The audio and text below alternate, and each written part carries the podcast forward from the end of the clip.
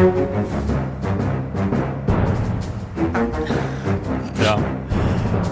Ok, da setter vi i gang med en ny episode Aftenpodden USA.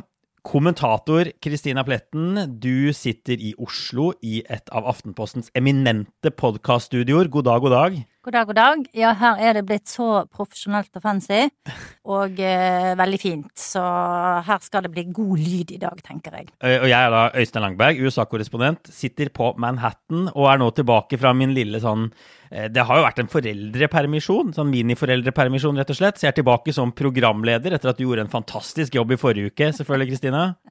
Velkommen tilbake. Det er jo, du har hatt sånn amerikansk eh, pappaperm, du, som er sånn Ja. Eh, ca. to minutter. Eh, Vi har faktisk beholdt eh, norske ordninger her, så jeg skal få en ordentlig pappaperm når vi nærmer oss våren og sommeren. Men ja, dette var disse to ukene jeg fikk nå i forbindelse med, med fødsel. Fordi ja, jeg har blitt far. Vi har jo sagt dette, kunngjort det ettertrykkelig i denne gruppa. Men jeg har altså blitt far til en liten amerikansk gutt. Kona mi er jo norsk, sånn som meg, men det er sånn når man blir født i USA, så blir man rett og slett amerikaner automatisk. Så det er jo veldig, veldig spennende. Vi har ingen barn fra før, så dette er helt nytt. Har vært, eh, ting har stått litt på hodet disse ukene, men nå har jeg sovet godt, og jeg håper liksom at jeg kunne levere en ganske sharp på i hvert fall. Ja. Du føler deg eh, oppegående og skarp nok til å, til å ta hodet ut av bleien, har en har sagt. Ja, ja, det er litt sånn rart. Det er litt overgang. Jeg har vært ganske sånn langt unna nyhetsbildet og sånn, så jeg har brukt noen dager nå på å liksom lese meg litt opp igjen, komme litt eh, inn i ting, eh, inn i ting igjen. Men altså, eh, det har vært en kjempegøyal opplevelse. Vi har jo aldri gjort dette i Norge, men jeg har fått eh, liksom, teste det amerikanske helsesystemet, som vi har snakket om på denne poden eh, mange ganger. Fått sett det på nært hold. Det er jo litt annerledes. Eh, du, mye tettere oppfølging her. Det tenker jeg at det, Du må bare si bitte litt om det, for det er sikkert grådig mange som hører på den podden som er litt sånn interessert og spent eh, på å høre hvordan det er å, å, å føde et barn i, i USA. Altså, Til syvende og sist så er det det samme, eh, selv om du har utsikt over Manhattan og enerom, og jeg kunne sove der hele tiden. Det er jo litt sånn I hvert fall det, eh, sykehuset her var jo kanskje litt høyere standard da, enn det er på en del norske sykehus, mm. og helt klart åpenbart eh, dyrere. Og gjennom hele, hele løpet fra starten av så er det tettere oppfølging med leger, flere ultralyder, mer testing og den type ting. Eh, noe er helt sikkert eh, unødvendig, ikke sant? Dette er det som gjør det amerikanske helsesystemet så dyrt. Ja. Men, men for oss som er førstegangsforeldre, så er det også, føles det fint også, da. Å ha så, ha så tett oppfølging. Eh, og det er også sånn at de legene som følger oss hele veien, også jobber på det sykehuset man føder på. Så det er jo også en litt sånn annen ordning. Det er ikke sånn at man kommer på sykehuset og møter helt ukjente mennesker. Man møter noen av de samme menneskene som man har deala med eh, hele veien. Men, eh, men man skjønner hvorfor det er dyrt eh, med amerikansk, eh, helsevesen. Det var sånn at når vi forlot sykehuset, da, etter noen dager, så fikk kona mi faktisk en goodiebag fra Chanel med seg ut av, Nei, ut av døra. Jo. Det får man ikke på Ullevål eller Rikshospitalet, tror jeg. Med sånn Chanel-bleier og sånn, da, eller? Hva var oppi den? Nei, det var en gift to mom, så det var litt sånn parfyme og den type ting også. Vi fikk Ja. også med oss masse bleier og sånn, altså. De var ikke kresne på det. Ah. Og en sinnssyk regning, da, selvfølgelig. Ja. Oppi Chanel-posen. Ja. Nei da. Så, så det har vært en fin opplevelse, men, men, men det er jo til syvende og sist det samme som skal skje. Eh, og dette litt fine hotell, altså sykehusrommet, det blir jo til en, et, et Dette er sted andre hvor gangen du nesten sier hotell istedenfor sykehus. Det sier vel Ja. litt om hvor fancy det var, da. Ja, og man blir jo også flyttet over på sånt hotell etter man har født. Litt sånn sykehushotellaktig ting. Men det er litt mer sykehus enn noen av de norske fødehotellene. Eh, Men det er liksom en annen etasje, og man får masse folk som kommer innom, både leger og sykepleiere og sånne lactation consultants, som det heter, som skal lære deg å amme. Så de har kun det som jobb. De heter altså konsulenter. Men ja, morsom opplevelse. Mm. Klarte de å si Sigurd? De klarer å si Sigurd overraskende bra. Mye bedre enn Øystein. Bare ved å se navnet Sigurd. De, jeg vet ikke, Det har i hvert fall fungert godt til, eh, til nå. Eh, og jeg ser jo, Det er jo det som har påpekt at, at Sigurd faktisk jo kan bli president en dag. Det er jo litt sånn viktig. Det er jo disse få kravene det er til at man blir, skal bli president i USA. At man er født i USA, da, eller amerikansk statsborger når man blir født. Så var det en kollega som skrev, som ga meg litt sånn sjokk, som skrev at han kan jo bli president i år 2100 eller noe. Tenkte jeg, det er, hvorfor skriver du det? Det er jo dritlenge til. Men faktum er at hvis Sigurd blir president når han er like gammel som Biden, så er det år 2100. Det er lenge til det. Det er helt sprøtt. Da vil de kanskje kalle han for Siggy. Ja, det er Siggy er et bedre navn. Og det, det er jo sånn som jeg også sier her. da. Jeg fikk jo tips av en lytter for flere år siden om at du kunne si Austin her, og det gjør jeg ofte. Det har gotten me out of a lot of trouble, det må jeg si. Austin Ja. fungerer veldig bra. Så Siggy og Austin, og så får vi bare krysse fingrene for at det fortsatt finnes et Amerika i år 2100 som, eh, som Sigurd da kan ta over etter å ha blitt vokst opp da i Norge, eh, og da kanskje flytte tilbake til USA, da. To run for president. Eller vi får ikke se. Altså, I hvert fall ikke jeg. Kanskje du, men Vi får ikke, vi får ikke se. Vi får ikke se. Nei. Ok, nok, eh, nok, om det her. I dag skal vi snakke om uh, mellomvalget. Uh, stillingen Nå er det bare fem uker til, til, dommen faller, til velgerne går til urnene. Faktisk så er det ute og går til urnene i mange stater allerede. Det har begynt sånn forhåndsstemning. Det, mm. det blir uhyre spennende. Vi skal snakke litt om, om ståa og konsekvensene dersom republikanerne tar full kontroll over Kongressen, eller demokratene rett og slett klarer å beholde den kontrollen de har i dag. Så skal vi gå opp litt hva mellomvalget er og sånn. Men vi får først ja. ta vår faste siden sist-spalte, Kristina. Og det største som har skjedd, er jo denne voldsomme orkanen Ian som har eh, ødelagt masse, masse på vestkysten av Florida. Mm. Altså, de siste tallene jeg så, var sånn 58 døde minst. Det kommer helt sikkert til å fortsette å, å stige. Bildene som kommer ut, disse mm, oversiktsbildene, er veldig, veldig skremmende. Og det pågår nå både debatter om evakueringen, men også om å bygge ut så nære vannkanten. Florida har bygget disse enorme byene sånn en centimeter over, eh, over vannskorpa. Og også klimaendringer, da. Og så har det et tydelig politisk aspekt med guvernør Ron DeSantis og hans ambisjoner eh, i Florida. Ja, og DeSantis har jo fått en del pepper, i hvert fall fra venstresiden, fordi at han tidligere har vært mot eh, at delstater som New York for eksempel skulle få hjelp etter orkanen Sandy. Eh, mm. Nå får han masse hjelp fra Joe Biden. Eh, har måttet liksom dempe veldig retorikken og eh, eh, ta imot masse penger, da. Statlige ja. penger som han egentlig er imot. Så det har vært en liten nøtt for han, tror jeg, sånn politisk. Men samtidig så er det jo sånn at hvis han klarer å håndtere dette på en god og effektiv måte, så vil det nok summa summarum være en, være en pluss for han, eller ett pluss for han, både inn i valgkampen nå og i en eventuelt seinere presidentkampanje. Ja, jeg ser noen har omtalt det som hans commander in chief moment. Han kan stå og holde viktige taler om alvorlige temaer og vise at han tar kontroll. Da. Han har vært veldig proaktiv, men så det jo, kommer jo kritikken. Vi får se litt hva som skjer i, i, ukene som kommer, og hvor høye disse dødstallene blir, og når de begynner å granske hvor godt de evakuerte og hele denne pakka her. Hvordan ja. dette ender opp for DeSantis til slutt. Og så er det jo eh, et problem. Nå ser jeg at forsikringsselskapene i Florida er i ferd med å gå konkurs. Mange av de, Det er vanskelig ja. å skaffe seg forsikring der i det hele tatt fordi at de har så store utfordringer med klima og vær. Og det er jo et spørsmål i USA hvor mange ganger de skal bygge opp igjen infrastruktur og bygninger som stadig vekk blir rasert av eh, mm. flom og storm. Det koster staten kjempemasse penger, det koster forsikringsselskapene penger, og det er jo litt sånn eh, ja, det er litt sånn eh, penger eh, ut av vinduet eller inn i vinden, eller hva man skal si da. Så ja. Ja, dette blir ja. en stadig større og mer påtrengende diskusjon i USA. Nemlig. Og så får vi bare si at det har vært skikkelig sånn rufsete tider fortsatt i økonomien, dette har vi snakket om mange ganger, men også ordentlig rufsete tider i finansmarkedet. Vi har sett børsene falle kraftig, og så hente seg inn igjen. I dag så, så ser det ut som de stiger. Det er sånn eh, veldig sånn sikksakk opp og ned. Vi har sett inflasjonen som ikke faller så mye som man har håpet på. Den biter seg fast, denne prisveksten. Det betyr at rentene fortsatt må opp, ikke sant? Og vi merker dette på kroppen.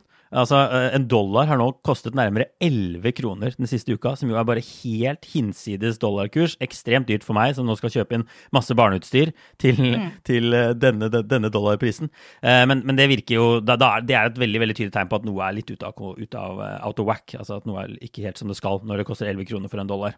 Det skal ja. det ikke normalt gjøre. Og den høye dollaren er jo heller ikke bra for amerikanske bedrifter som eksporterer varer, for det blir veldig dyrt Nei. for andre å kjøpe amerikanske varer. Så ja. i det hele tatt så er ikke det veldig positivt for noen, nesten. Nei.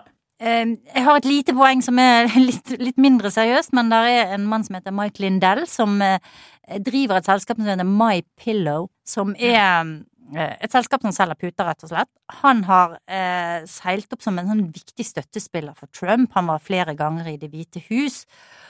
Og eh, for noen uker siden så ble han stanset av FBI utenfor noe som heter Hershey's, som er en eh, fastfood-restaurant. Mm. De tok fra han mobiltelefonen. Han har gått rettens vei for å blant annet få den tilbake igjen og få eh, oppreisning. Eh, det har han ikke lykkes med so far.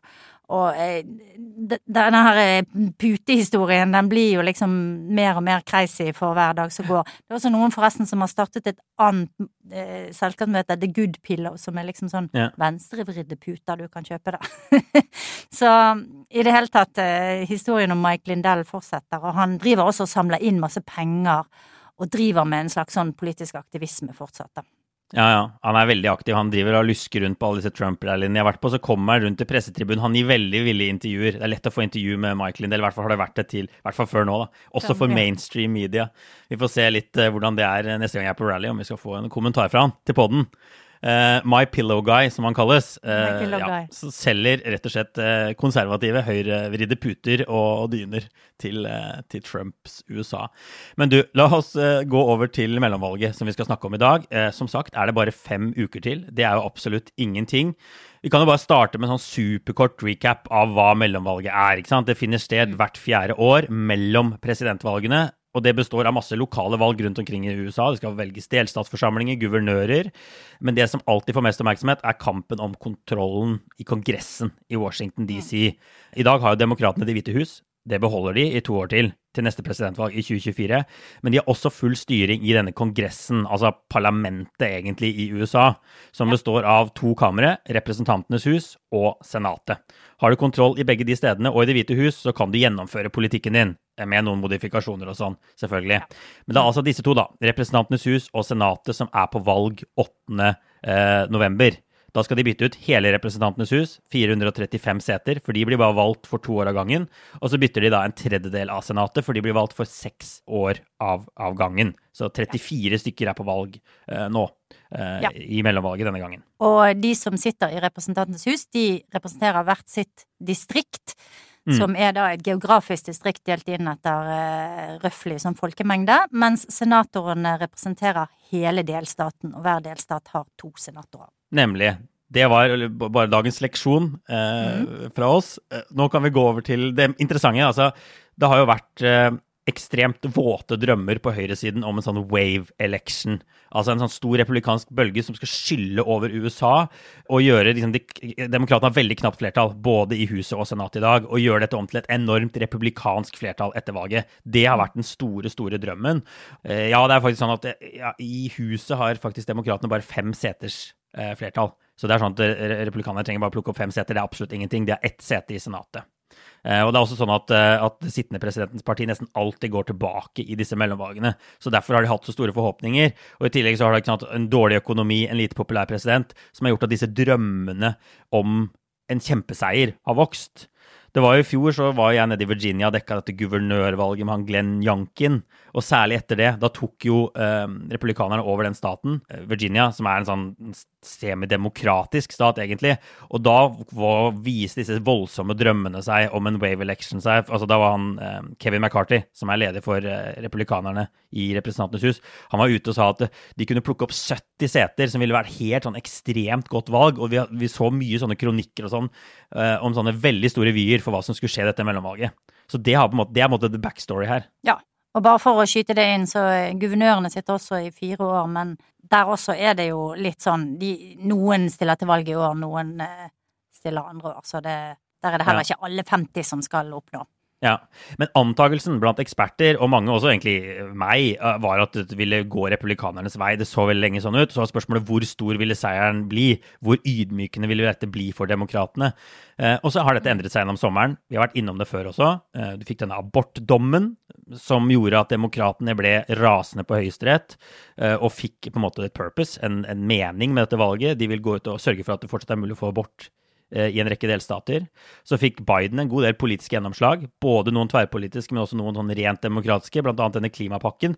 Og så plutselig var Trump tilbake i nyhetsbildet. FBI, razzia, eh, masse greier. Han er veldig sånn, dominerende, og dette har hjulpet demokratene i, i gang igjen. Så, så enden på viset er at vi nå står overfor det som kan bli et skikkelig skikkelig valgthriller, hvor det er helt umulig å si hvem som vil kontrollere Kongressen etter mellomvalget om fem uker. Mm. Og egentlig så er vel begge kamrene uh, up in the air. Det, det, svinger litt på meningsmålingene, og det virker som om ingen egentlig har helt grep om hvilken vei dette går. De har jo, i tillegg til de meningsmålingene som ble publisert, så har jo partiene og kampanjene sånne internal polls, altså sine egne målinger der de ofte har litt bedre kål på hva som er i ferd med å skje. Men mm. det, har, det, som har kommet ut til nå, virker som om alle er veldig usikre, da. På hva ja. retning dette kan ta. Så det gjør jo det litt spennende og, og artig for oss, da, i hvert fall. Ja, mye artigere enn at det ville åpenbart at det bare var en debatt om hvor mye republikanerne ville minne med. Det er mye gøyere at det faktisk kan vippe begge, begge veier her. Mm. Uh, men ja, altså slik det ser ut nå, da, det er jo både meningsmålinger og modeller.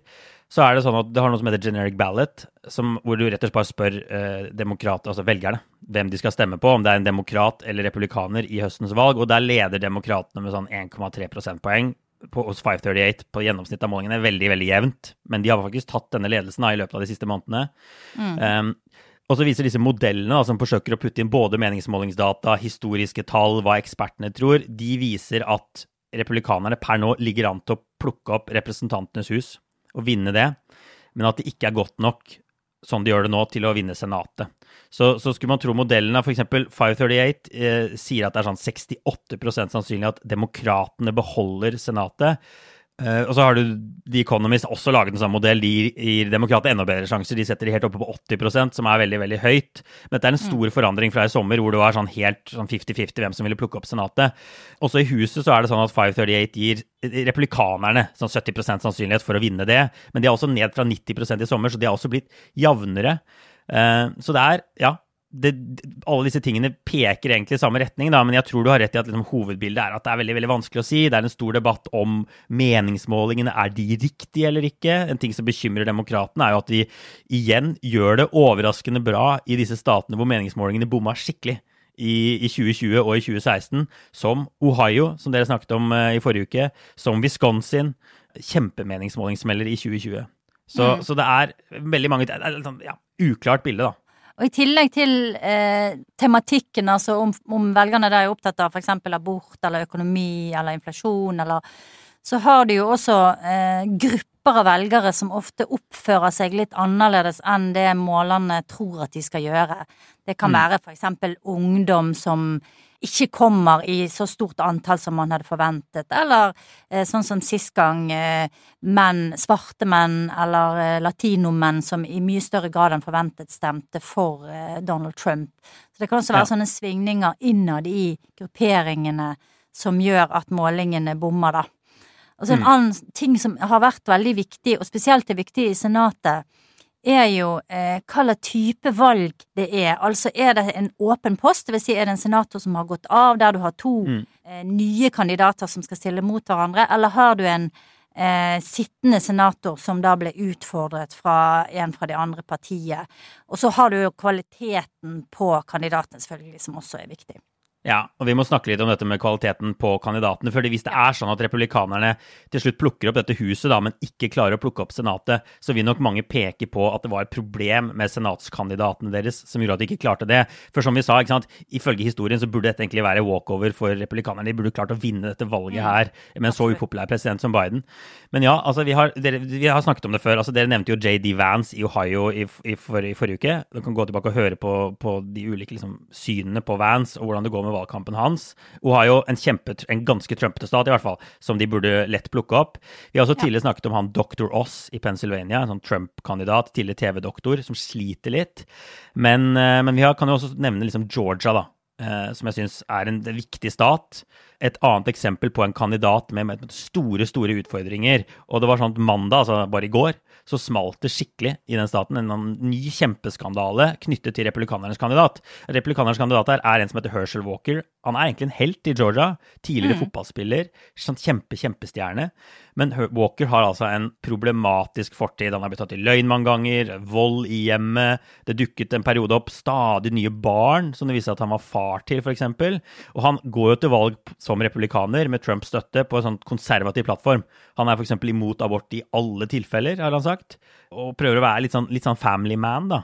Ja, han har gått til valg med veldig mye med familieverdier som liksom number one. Og det er jo litt trøblete når du hele tiden får sånne familierelaterte skandaler da, som dukker opp. Den siste var jo altså da at han skal ha betalt for en abort for en kjæreste i 2009-2010. Eh, Daily ja. Beast påstår at de har kvitteringene, rett og slett. Og dette har Walker tidligere avvist som eh, rykter.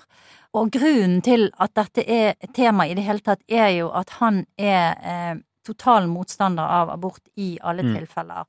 Eh, Så dette blir jo en fryktelig vanskelig en, en, Et vanskelig tema for Walker å skulle liksom unngå, da. I og med at han har gjort abort selv til et sånn sentralt eh, issue i sin eh, kampanje. Og så er det jo det med Walker, som flere av disse andre du nevnte, doktor Aas, null politisk erfaring fra før. Som Og det skinner veldig gjennom på Walker, Ja. enda mer enn noen annen kandidat. Han virker bare, må si det, ekstremt uforberedt i nesten alle intervjuer han stiller opp i. Og eh, Ja. vil ikke stille i så mye intervjuer, og vil ikke stille i så mye debatter. Det spørs om det blir noe debatt i det hele tatt. Og én ting er jo at du, at du ikke har noen erfaring, men hvis du ikke har erfaring, så bør du jo i hvert fall da være villig til å gjøre den jobben som trengs for å fremstå troverdig.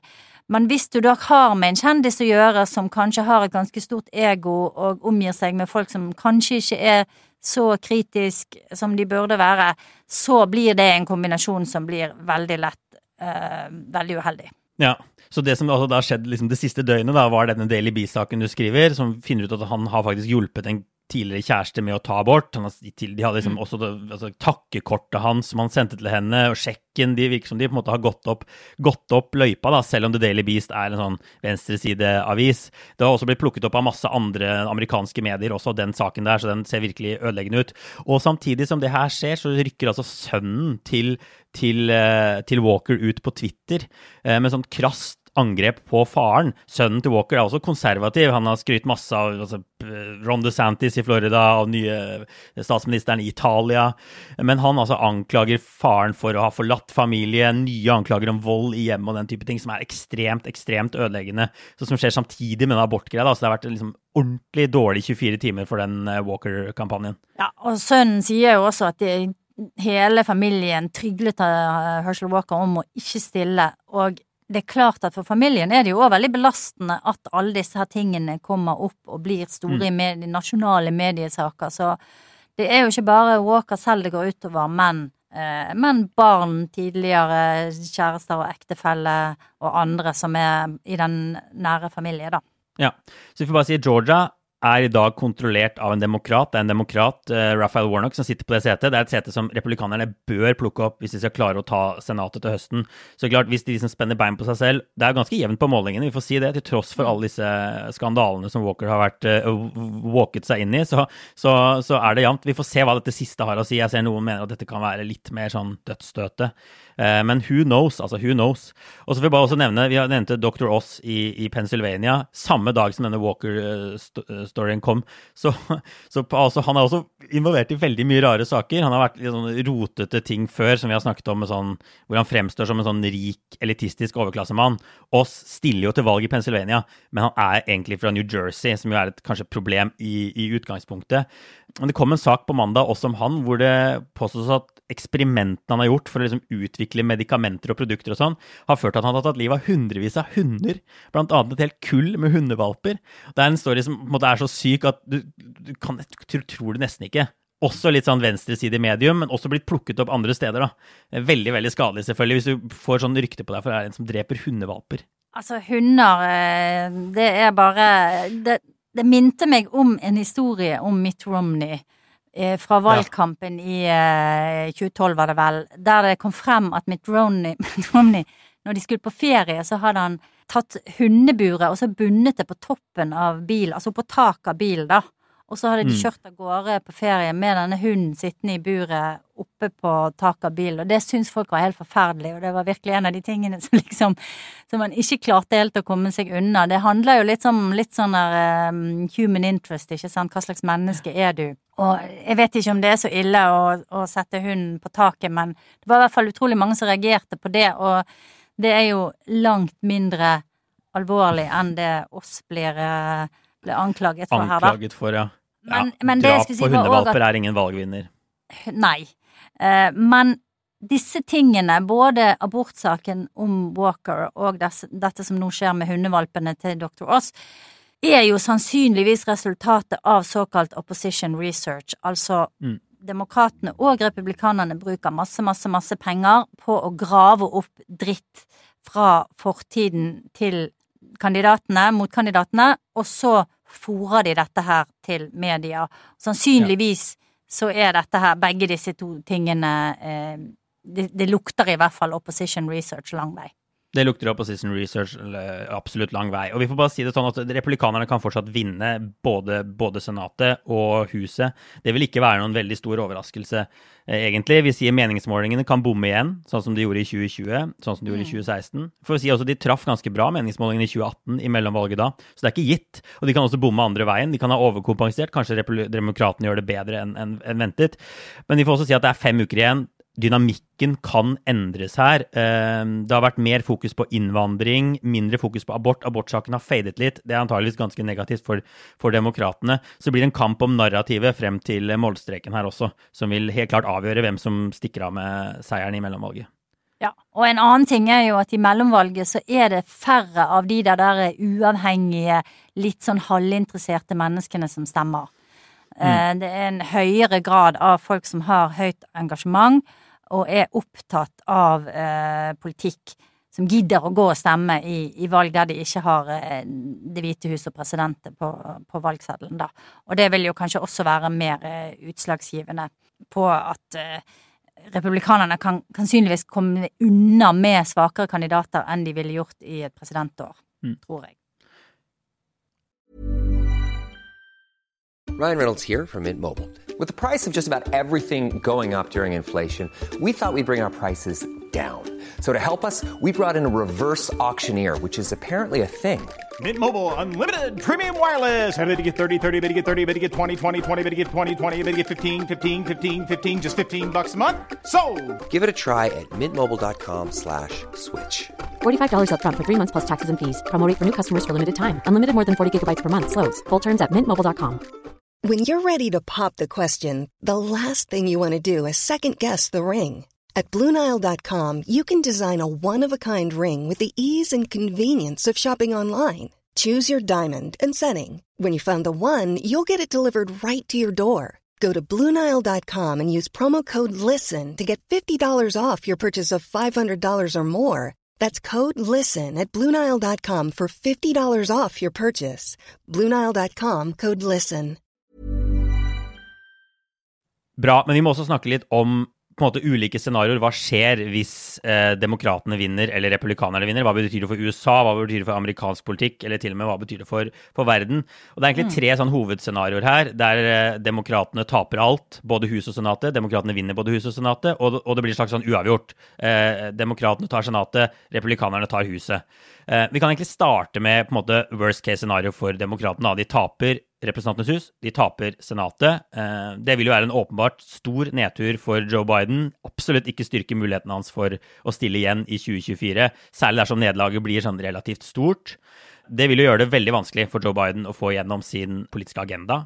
Eh, da får de ikke vedtatt lover, de får ikke godkjent eh, dommere uten republikanernes velsignelse. De kan få problemer med å få vedtatt et budsjett, de kan få problemer med å vedta dette, heve dette gjeldstaket. Du kan ende opp med en sånn ny sånn som vi har sett noen ganger da, i amerikansk historie, en sånn ekstremt sånn anspent, farlig situasjon hvor markedene er livredde for, at USA, for om USA skal liksom betale gjelda si og den type ting.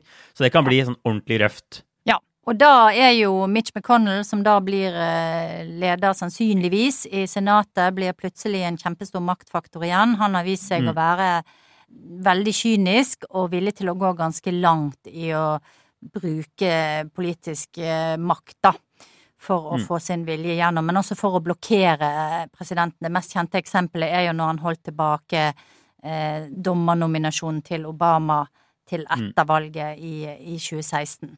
Men eh, det som også vil skje, er at disse litt sånn moderate republikanerne i Senatet får plutselig veldig, veldig, veldig mye makt. For da blir eh, demokratene avhengige av å måtte fri til de republikanerne som ligger nærmest opptil, og som de kan sannsynligvis få støtte til fra en del saker, da. Mm. Så politikken vil bli veldig skrudd i retning av hva de kan være med på å godta. Ja.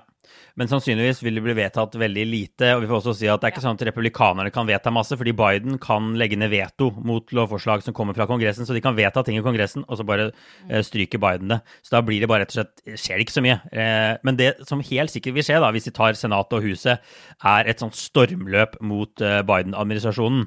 De vil granske liksom, Biden og alle hans folk herfra og til evigheten. Det ligger i, i, i kortene veldig, veldig tydelig. Og jo større seiersmarginen er, desto kraftigere kost vil vi se, tror jeg. Eh, noen drømmer jo til og med om å starte en riksrettssak. Ja, Trump er stilt for riksrett to ganger. De vil starte riksrettssak mot Biden. Marjorie Taylor Green fra Georgia har jo mm. drømt om uh, dette helt siden dag én med Joe Biden og stille ham for riksrett. Hun kommer stadig med nye sånn, ideer til hvordan det skal gjøres. Det er en sånn lang liste med ting de skal granske Biden for. Det er Hunter Biden-saken som vi har snakket om mm. før. Kaos på grensen, uttrekkingen fra Afghanistan, Fauci vil de granske, covid vil de granske, Mar-a-Lago-raidet vil de granske. Det er bare sånn evig lang liste, da, så dette kan bli et ordentlig spektakel. Ja, det kan det. Eh, og det blir det helt sikkert. Eh, de, de som har fulgt litt eh, amerikansk politikk en stund, vil jo huske disse Benghazi-granskningene, altså som var den der konsulatet i Libya som ble bombet, mm. og der noen amerikanere døde. Og de, de, mente at det var Hillary Clinton som sto bak en slags konspirasjon. Og det var en evig lang granskning av Benghazi, og det var opp og ned og i mente på Fox News og andre steder. Men det kom veldig lite ut av det, og in the end så tror jeg faktisk at kanskje eh, Hillary Clinton var den som, som vant mest på det, fordi at hun satt jo gjennom en hel høring. Jeg husker jeg satt og så på det, jeg tror det var elleve timer, jeg. Hun satt og bare med liksom hånden sånn i, i, Nei, hodet i hånden og, og, nikket litt sånn oppgitt.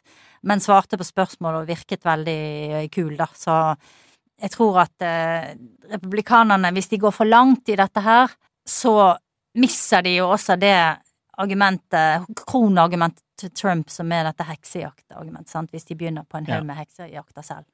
Og det er det definitivt en fare for. For det er eh, mm. ordentlig, noen sånne ordentlige blodhunder på ytre høyre som vil bare ta Biden for alt det er verdt. Og så er det helt sikkert noen moderate som vil prøve å holde de i, i, tøylene. Altså, dette kan bli også sånn tøft internt for republikanerne. Og ja, Politico hadde en veldig fin sak om at Biden-administrasjonen egentlig ikke er så redd for det her, for de er ganske sikre på at de kommer til å gape for høyt uh, og, og, egentlig drite seg ut fordi de setter i gang en masse granskninger som folk egentlig ikke vil ha. Altså skal du granske Fauci og covid liksom, årevis etter at dette liksom, brøt ut. Det virker jo, det er i hvert fall ikke sånn Det er ikke sikkert de treffer nyhetsnerven og det folk er opptatt av.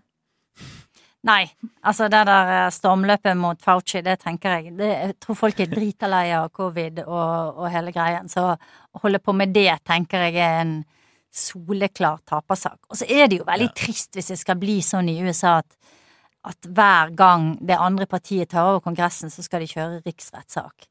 Da, mm. da, blir jo hele den institusjonen så uthult etter hvert at, eh, at det blir helt meningsløst, da. En ting de helt sikkert kommer til å gjøre, er å avslutte denne 6. januar-granskningen. da. Det er jo det demokratene har holdt på med nå, med et par republikanere på laget, og granske mm. stormingen av Kongressen. Eh, så den, hvis republikanerne vinner Huset og Senatet, så er den død eh, fra, ja, fra, januar 2023. Eh, så de får legge, det er derfor de legger frem rapporten antageligvis før jul, da, og får dette mm. unna nå. Mm. Og så er det jo eh, det å legge frem sånne der eh, lovforslag som de vet ikke kommer til å gå gjennom, men som de gjør for å vise velgerne sine at se, vi faktisk eh, vi gjør ja. faktisk noe med denne eller denne eller denne saken. Det har jo demokratene, og særlig Representantenes hus, holdt på med nå i årevis. Så det vil helt sikkert mm. også republikanerne ta fatt på. Ja, og så kan det hende at de blir enige om noen ting. Ukraina-støtten er ganske bred i begge partier. Det vi fortsetter antageligvis å, strømme på med våpen og sånn der, vil jeg tro. Og kanskje noe på konkurransen til Kina, altså sånne ting det er noe tverrfaglig enighet om. Så det er ikke umulig at de kan vedta noe. Men, men noen svære eh, demokratiske reformer blir det ikke. Men vi får ta liksom scenario nummer to. da. Demokratene taper huset, men beholder Senatet. En slags sånn mm. uavgjort løsning, som vi jo sa ikke er helt usannsynlig. Um, det vil nok bli sett på som en liten opptur for demokratene, kanskje. I hvert fall sånn ting så ut for et år siden. Uh, da, de, da, har de Senatet, de kan bruke det som en motvekt, som du sier. Når republikanerne bruker talerstolen de har i huset, så kan demokratene foreslå ting i Senatet og sånt, sånn politikk. Uh, prøve å spille mot hverandre på den måten. Og så er det en veldig, veldig viktig ting. De kan fortsette å godkjenne dommere i, i hele ja. det føderale rettssystemet. Og dette har Biden vært effektiv på. De har fått gjennom masse dommere. Setter sitt preg på rettsvesenet. Eh, mm. Det betyr også at hvis en høyesterettsdommer trekker seg eller dør, så kan demokratene utnevne en ny en hvis de har Senatet. Da tre, for Huset har ingenting med det å gjøre. Ja. Både dommere, nye ministre, Eh, Andre typer eh, ledende stillinger i eh, statlige direktorater og sånne ting må jo godkjennes av Senatet. Så det er en kjempeviktig greie hvis demokratene kan holde på det. Og Ja. sånn som det har sett ut en stund nå, så er vel kanskje det det mest sannsynlige utfallet av mellomvalget. Nå skal ikke jeg gjøre meg sjøl til spåkvinne her, men Nei. Nei. men for meg har det sett ut som det mest sannsynlige utfallet er at demokratene holder Senatet, men taper Representantenes hus. Det, det, det er jo sånn disse modellene, gjør òg, men de, de som lager de modellene, bl.a. Nate Silver i, i 538, sier at det skal så lite til før hvis republikanerne gjør det litt bedre enn ventet, så tar de begge kamrene. Det skal egentlig litt til at ett et kammer går én vei, og et annet kammer går en annen vei. Altså, det er litt sånn, en litt sånn spesiell situasjon. Men vi har jo forklart hvorfor. Det kan være rett og slett eh, demokra- altså, Republikanerne har et OK år, men de har bare så dårlige senatskandidater at de bare ikke går der likevel. Men siste, siste scenario er jo demokratene vinner både Huset og Senatet. Ting fortsetter som i dag. Kanskje til og med plukker opp noen ekstra seter i Senatet, som ville vært en, et lite politisk jordskjelv. Eh, fordi mellomvalg, som sagt, nesten alltid er elendig for sittende presidenten.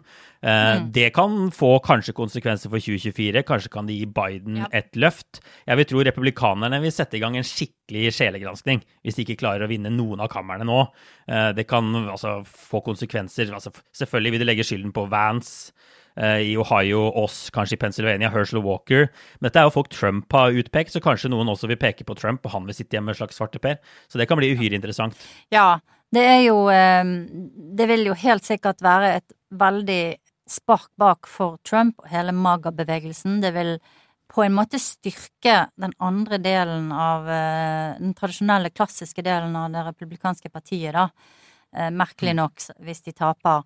Og så vil de jo kanskje også være med på å drive frem den kløften som er i det demokratiske partiet. Hvis de vinner makten igjen nå i begge kamrene, så vil presset øke fra venstresiden hos demokratene på å, gå lenger og gjennomføre mer reformer, være mer radikale.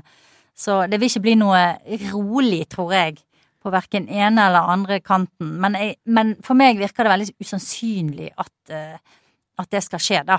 Men hvis det skjer, så tror jeg også at det kan være at vi da vil se en enda mer løssluppen Biden som vil prøve å gjøre større ting.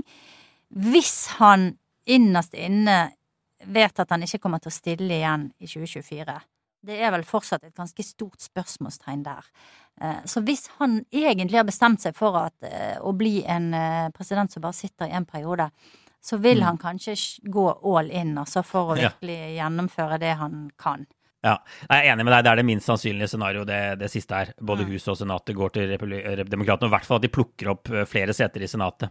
Men det vil jo gi dem litt mer armslag. Hvis de hadde fått ett sete til, så trenger de ikke å ha med seg Joe Manchin fra Virginia på å vedta alt mulig rart.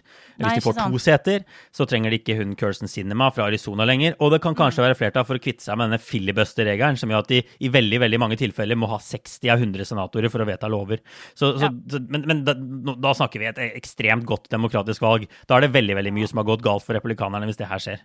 Ja, det er det, og da kan vi liksom oppleve eh, et, en Washington som styrer ganske langt til venstre, altså.